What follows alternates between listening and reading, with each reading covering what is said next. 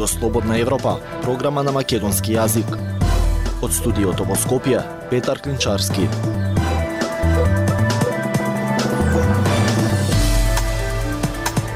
Во денешната емисија објавуваме реални отстапки или тактизирање, аналитичарите со различни мислења за одложените оставки на министрите на ДУИ. Деца по развод, отуѓени или заштитени. Демначите според новиот кривичен законник можат да одат и во затвор. Интервју со историчарот Андреј Зорин, дали Путин е модерен цар. Слушајте не.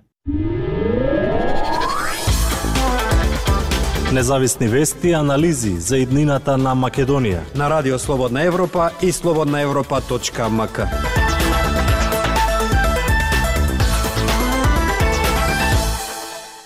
Предложените оставки на министрите на ДУИ според аналитичарот Алберт Муслиу не се тактизирање на партијата, туку невозможување на ирационалните барања на ВМРО да ДПМНЕ. Владимир Божиновски пак вели дека ова не се оставки на ДУИ, бидејќи според него оставка се поднесува, а не се условува.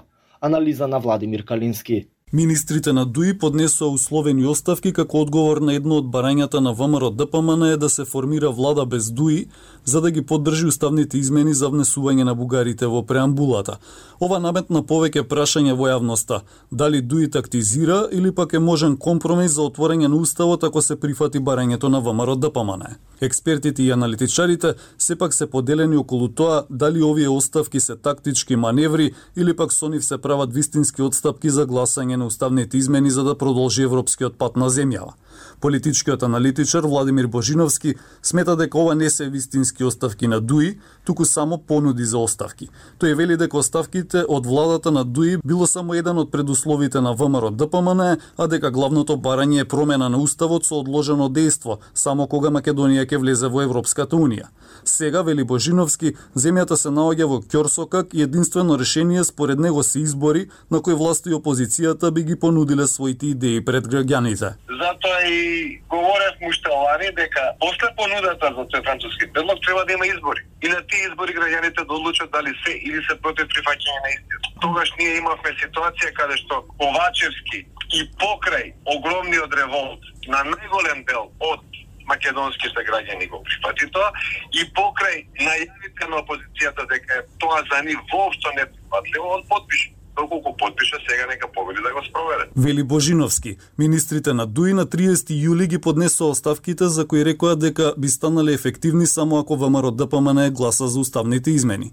Од ДУИ велат дека се решиле на ваков чекор да поднесат оставки и дека го прифаќаат условот на опозицијата дека ќе ги поддржи уставните измени без ДУИ во влада. Но ВМРО ДПМН е побара оставките на министрите од ДУИ да бидат неотповикливи и потоа да се организираат брзи предвремени парламентарни избори. Политички Политичкиот аналитичар Алберт Муслиу во потегот на Дуи не гледа тактизирање, туку спротивно, како што вели, оневозможување на тактизирањето и нерационалните барања на ВМРО ДПМН. Значи, Дуи не учествува во влада по своја волја или желба. Тој учествува во влада затоа што така одлучиле албанските гласачи во, во Македонија.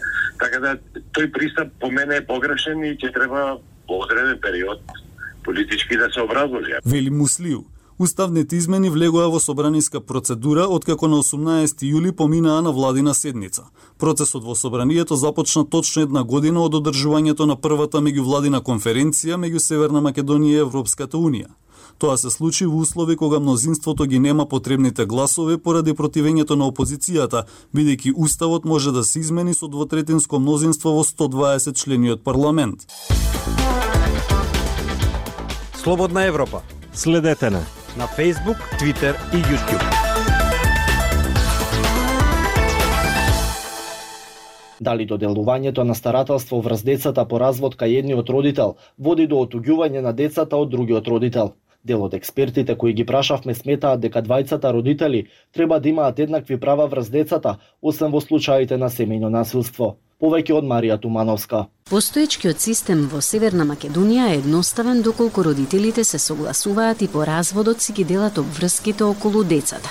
Но доколку меѓу нив нема меѓусебна комуникација, што се случува често по развод, тогаш системот му ги ограничува контактите и видувањата со своето дете на оној родител на кој не му е доверено старателството.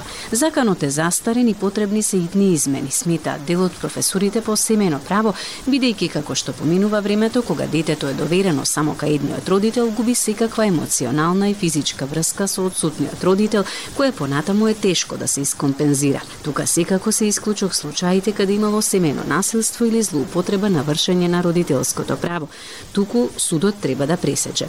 Вели за Радио Слободна Европа професорката по семено право Елена Игновска.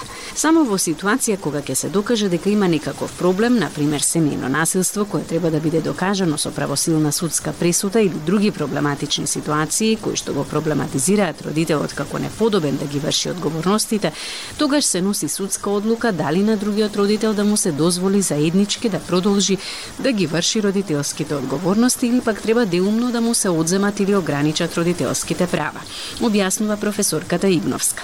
Од Националната мрежа против насилство врз жените и семејното насилство велат дека воведувањето на еднакво старателство во развод би имало штетни последици врз жените и децата.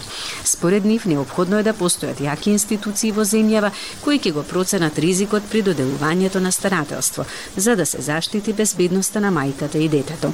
Доколку се воведе заедничко старателство по развод, сметаме дека би се приминувал генерално без предходно да се направи соодветна проценка на сите ризици кои би довело до потенцијално штетни последици во насока на заштита на жените и децата. Дополнително моменталната терминологија како и концепти кои се јавуваат во определени иницијативи за овој заеднички модел на заедничко родителство, како родителско отобјување или доделување на децата на жената, односно мајката, главно се темелат на родовите стереотипи кои владеат во едно општество и истите можат штетно да делуваат врз жените кои се жртви на насилство од страна на нивниот интимен партнер.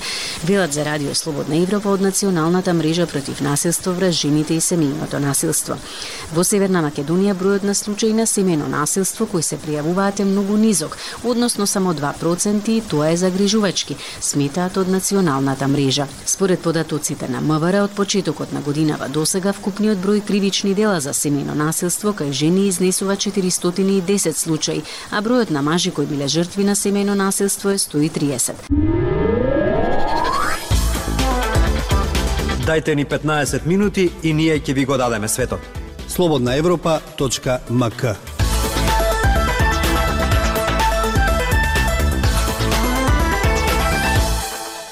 Единствениот случај за кој е поднесено обвинение за демнење е на двајца сопружници кои пријавиле дека ги демне човек кого го познавале. Обвинителството го гони, но се уште не стигнал до судење. Казната е од парична до 5 години затвор. Кого може да пријавите за демнење или кој е демнач? Анализа на Билјана Николовска. Секоја ситуација е уникатна и индивидуална, а ова е ново кривично дело кое жртвите треба да знаат да го препознаат и навреме да го пријават демначот. Ова е ставот на обвинителката Ана Гоговска Јакимовска од Скопското обвинителство, која го работи првиот предмет од кривично дело демнење во земјава. Новиот член 144а во кривичниот законник беше воведен во февруари годинава, како резултат на низата случаи на родово базирано насилство, кои се случуваа предходниот период – Со него се пропишани од парични казни до 5 години затвор и тоа повисоките затворски казни се определуваат ако делото е сторено врз човек со кој сте моментално или сте биле во интимна врска или пак врз дете. Според обвинителката, предметот на кој работи е по пријава од двајца сопружници кои биле прогонувани од познаник, кој започнал да им се меша во личниот живот и инсистирал да контактира со двајцата. Тоа се повторувало во неколку наврати, а според неа повторувањето на действото е основата за да постои демнење. Оштетените го имаат пријавено настанот, кој траел подолго време. Истите се охрабриле, ги приложиле доказите кои ги имаат кај нив, Важна е соработката, комуникацијата на јавниот обвинител со истражните органи. Сепак не сакаше многу да го коментира предметот, бидејќи се уште не е влезен во судница. Вели дека жртвите на истражителите им дале доволно докази од обидите за комуникација, но и видеоснимка која им ја испратил обвинетиот, тоа што следувал и претраз во неговиот дом и други простории кои ги користи. Значи мобилните телефони, СМС, тоест сим картиците кои биле користени за да се праќаат такви такви пораки и тоа е се обезбедено во, во овој предмет и истите се приложени како доказ. Во судот Вообичаени знаци на кои треба да внимаваат луѓето кои се сомневаат дека некој ги демне ги има повеќе. Првиот знак е кога демначот постојано се јавува, праќа пораки на социјални мрежи или е пошта и покрај тоа што ќе биде побарано да престане да го прави тоа. Може да испраќа и несакани подароци или писма. Второ е кога демначот ги следи жртвите онлайн и офлайн, непокането се појавува во нивниот дом или на работно место, покажувајќи дека знае каде се движат и го знае нивниот личен живот. Наметливо се однесува, хакира онлайн сметки, инсталира шпионски софтвери на нивните уреди или пак ја нарушува приватноста. Најчесто демначот користи социјални медиуми за да ги вознемири и заплаши своите жртви. Може да создаде лажни профили, да испраќа навредливи пораки, да шири лажни гласини или јавно да споделува лични податоци од жртвата. Не секоја жртва знаете, не е подготвена да го пријави насилството.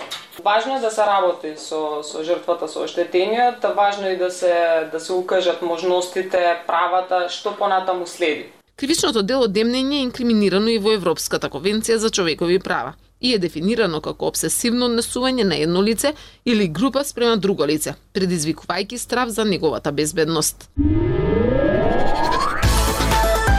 Актуелности свет на Радио Слободна Европа.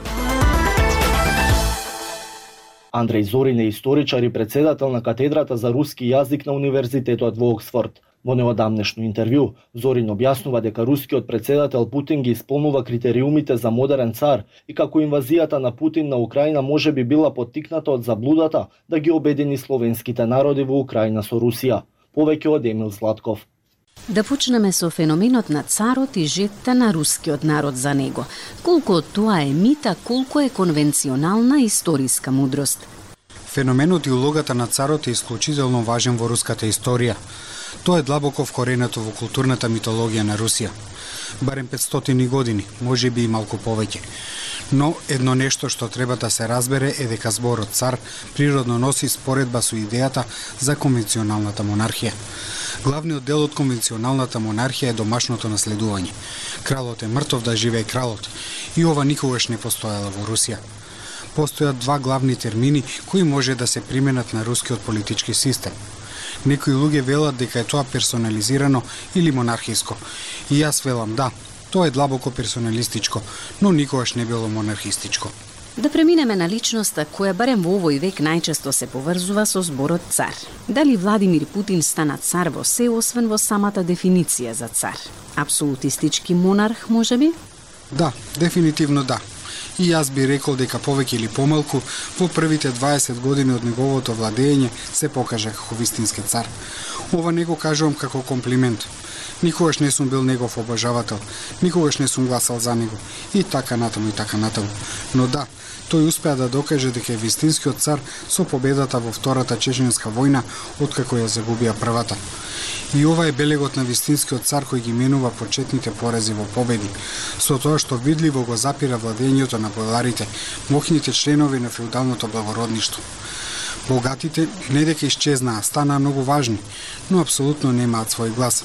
Некои олигарци всушност рекоа дека ако царот Путин го бара тоа, ќе дадеме се што имаме, тоа е во ред. Дозволете ми да ве прашам ова. Што мислете за оваа популарна теорија дека една од клучните причини за Путин да ја започне оваа целосна војна против Украина била длабоко егоистичка, дека тој сакал сушност да биде виден покрај големите руски цареви во историските книги? Тоа не е незамисливо но со оваа војна, барем на почетокот, сега оваа ситуација почнува да се менува. Чувството беше дека ќе го вратите поранешното единство на нацијата, дека русите и украинците се еден народ во основа. И Русија не може да биде одлична без да го врати своето тело како нација. Сега да се свртиме кон неодамнешниот бунт предводен од Евгений Пригожин, поранешниот шеф на платеничката група Вагнер. Поминаа неделија се уште не знаеме за што се работи. Она што го знаеме е дека тоа веројатно беше најголемата закана и најсилниот предизвик за владењето на Путин откако ја превзеде власта. Каков е вашиот став за сето тоа? Прво немам никакви информации од внатре, значи многу ми е тешко да шпекулирам. Историски тоа не е непознато. Веројатно тоа беше помалку обид за државен удар, но мислам дека повеќе кондитиоери, средновековни италијански платеници, повторно преговара за условите на моќта. Тоа беше идејата дека царот е легитимен, вистински, но луѓето околу него се предавници. Ја слушавте емисијата на Радио Слободна Европа, програма на македонски јазик. Од студиото во Скопје со вас беа Петар Клинчарски и продуцентот Дејан Балаловски.